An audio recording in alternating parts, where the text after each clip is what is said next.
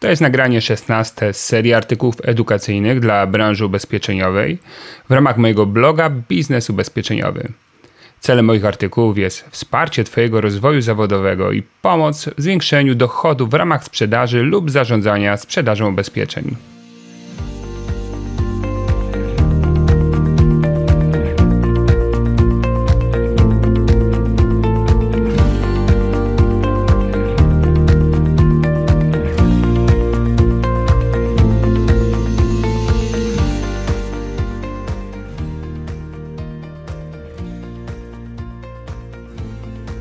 Jak możesz uniknąć walki ceną w sprzedaży ubezpieczeń? Wszyscy traktujemy ubezpieczenia grupowe na poważnie. Większość sieci sprzedaży i niezależnych pośredników zwiększa udział ubezpieczeń grupowych w sprzedaży całkowitej. Zwłaszcza w obszarze małych firm jest dużo w tej dziedzinie do zrobienia. Wiele firm zatrudniających do 20 pracowników nie ma w ogóle ubezpieczeń grupowych lub nie przykłada wagi do ich jakości. Widać jednak wzrastającą gwałtownie konkurencję w zdobywaniu tego segmentu klienta zwłaszcza w dobie trudniejszego dotarcia do klienta z ofertą indywidualnego ubezpieczenia na życie, coraz więcej agentów przeskakuje na ubezpieczenia grupowe. Niebagatelna jest również rola RODO, która utrudnia i ogranicza możliwość kontaktu telefonicznego z klientem indywidualnym.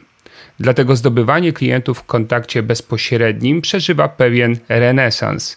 A jak wiadomo nie od dziś, bezpośrednie docieranie do firm jest dużo bardziej sensowne niż odwiedzanie mieszkańców bloku.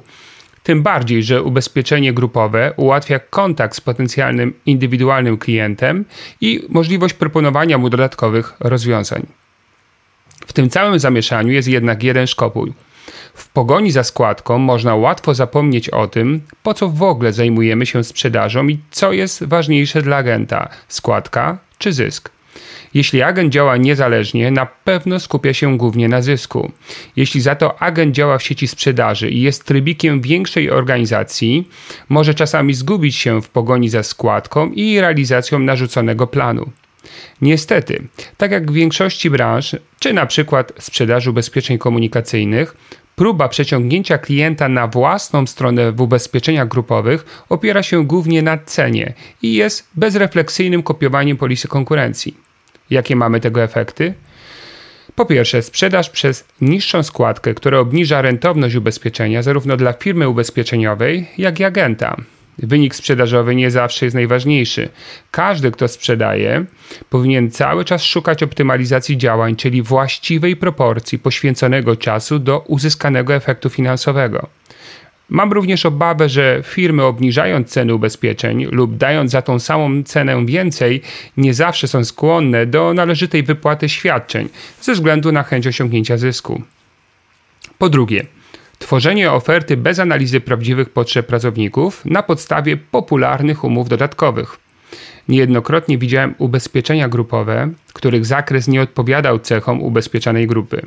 Na przykład przewaga osób w okolicach 50 roku życia i wmontowane w polisę świadczenie na wypadek urodzenia dziecka. Agent, który skupia się na przebiciu dotychczasowego ubezpieczenia, gubi element analizy potrzeb ubezpieczanej grupy. Oczywiście w ubezpieczeniu grupowym na kilkaset osób nie jest to możliwe, jednak większość sprzedawanych ubezpieczeń przez agentów dotyczy grup do kilkudziesięciu osób. I po trzecie, brak aktywnego wpływania na postrzeganie i decyzje klientów, sprzedaż ofertą bez pobudzania myślenia klientów. To fakt, że klienci ubezpieczeń grupowych przyzwyczajeni są do skupiania się na najmniej istotnych ryzykach z punktu widzenia idei ochrony ubezpieczeniowej. Urodzenie dziecka czy śmierć rodzica nie są zdarzeniami tak kryzysowymi jak śmierć żywiciela rodziny czy jego poważny wypadek. Niejednokrotnie agenci zbyt słabo wpływają na świadomość potrzeb ubezpieczeniowych klienta grupowego. Stosowanie powyższych zasad często kończy się pomniejszoną prowizją lub e, wręcz brakiem dochodu, a przecież nikt agentowi nie zagwarantuje, że w kolejnych latach zarobi na tym ubezpieczeniu. Być może kolejna tańsza oferta wysadzi go z siodła.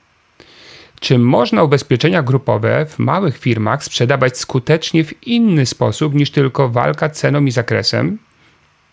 Z pewnością jest to możliwe. Będzie to jednak wymagało większego zaangażowania w poznanie specyfiki firmy. Ze względu na to, że pracowników jest tylko kilku lub kilkunastu, można przecież przeprowadzić głębszą analizę firmy i zatrudnionych w niej osób.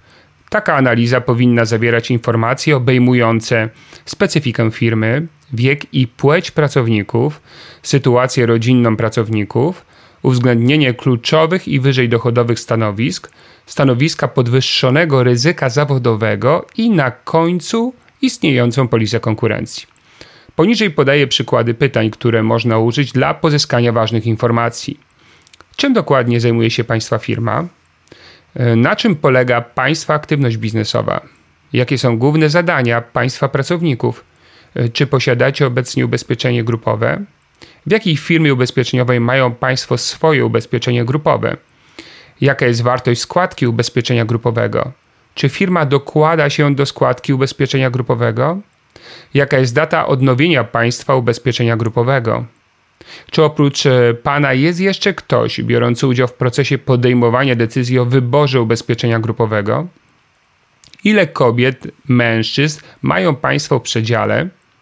Ilu firma ma obecnie właścicieli? Ilu pracowników zajmuje kluczowe stanowiska? Ile osób jest w związku małżeńskim, e, ma własną rodzinę? Ile osób wykonuje pracę o podwyższonym ryzyku? Przygotowując się na spotkanie i analizując działalność firmy, możesz przewidzieć pewne zawody spełniające warunek podwyższonego ryzyka i dopytać się używając konkretnych nazw, np. monter, operator wózka widłowego, spawacz itd. Tak Pogłębiony wywiad może zawierać następujące informacje – przy decydentach osobiste zainteresowanie rozmówcy konkretnymi umowami dodatkowymi i innymi cechami ubezpieczenia grupowego. W końcu, jeśli ma on wpływ na decyzję, to jego osobiste preferencje mogą mieć duże znaczenie.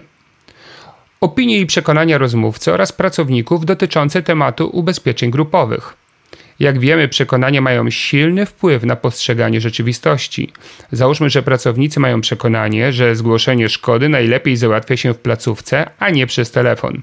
Więc przychylniejszym okiem patrzą na oferty firm, których przedstawicielstwa mają w okolicy. Przy jednym więcej niż jednym decydencie informacja, kto ma największy wpływ na decyzję. Sposób traktowania i podejścia do pracowników przez właściciela. Jeśli pracodawca traktuje pracowników przedmiotowo, to jego chęć płacenia lub współuczestniczenia w płatności składki będzie raczej, raczej niska. Dzięki tej informacji można uniknąć niepotrzebnych dyskusji i prób przekonywania pracodawcy argumentami, które do niego nie trafiają. Opinia o istniejącym ubezpieczeniu grupowym. Co się podoba, na czym się zawiedli. Dzięki tej pogłębionej analizie przygotowujemy ofertę szytą na miarę.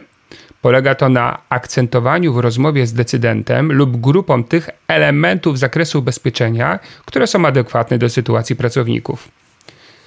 Bardzo ważnym elementem zebranych danych jest oczywiście kopia istniejącej polisy. Nie zawsze rozmówca jest chętny do jej przekazania, dlatego warto uprzedzić jego ewentualny opór, mówiąc na przykład tak. Celem mojej pracy jest sprawdzenie, czy moja oferta może przynieść klientom więcej korzyści niż obecne rozwiązania, z których korzystają.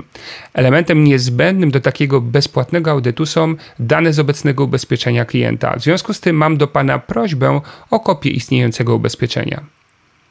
Przygotowanie propozycji. Po zebraniu danych nadchodzi czas na przygotowanie propozycji. Przy sprawdzeniu istniejącej polisy warto zwrócić uwagę na to, czy poszczególne elementy ochrony są adekwatne do specyfiki firmy i jej pracowników. Załóżmy, że przewaga pracowników w firmie to pracownicy biurowi w wieku 40-69 z rodzinami. Obecne ubezpieczenie miało postawiony akcent na wysokie sumy ubezpieczenia w NNW oraz zawierało urodzenie dziecka. W tej kategorii wiekowej i zawodowej narodziny dziecka i wypadki są zdarzeniami rzadkimi. Częściej pojawia się poważne zachorowanie ubezpieczonego i współmałżonka, śmierć ubezpieczonego i współmałżonka, czy konieczność skorzystania z opieki medycznej, czy śmierć rodzica. Dlatego przygotuj ofertę adekwatną do sytuacji i kiedy spotkasz się z klientem, spytaj, czym kierował się Twój poprzednik, przeznaczając składki pracowników na te elementy, które nie dotyczą ich realnych potrzeb. Zwróć uwagę, że właśnie ze względu na wiek, sytuację rodzinną itp., Twoja propozycja kładzie szczególny nacisk na Dzięki temu pokażesz rozmówcy, że działasz jak doradca, a nie jak sprzedawca. Skutek takiego podejścia unikniesz walki ceną, ponieważ klient widzący realną korzyść z rozwiązania zazwyczaj jest w stanie zapłacić za nie więcej niż w sytuacji, kiedy płaci z przyzwyczajenia. Podam teraz przykład rozpoczęcia rozmowy z klientem. Dzięki informacjom, które od Pana otrzymałem, mogłem przygotować propozycję, która uwzględnia realne potrzeby Pana pracowników. Zacznijmy od podsumowania tych informacji. Wszyscy pracownicy Pana firmy to osoby wykonujące pracę biurową. Średni wiek to 40 lat, a 80% posiada własne rodziny. Wspomniał Pan również, że ze względu na specyfikę pracy opartą na realizacji projektów z napiętym harmonogramem realizacji, często bierzecie pracę do domu i przesiadujecie dłużej w biurze.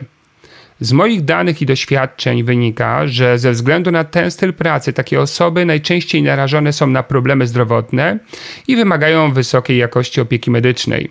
Dodatkowo posiadanie rodziny, która dla każdego jest najważniejsza, powoduje powstanie odpowiedzialności za bliskich. Dlatego tworząc dla Państwa moją propozycję, przede wszystkim skupiłem się na ochronie polegającej na dołączenie do propozycji ubezpieczeń indywidualnych.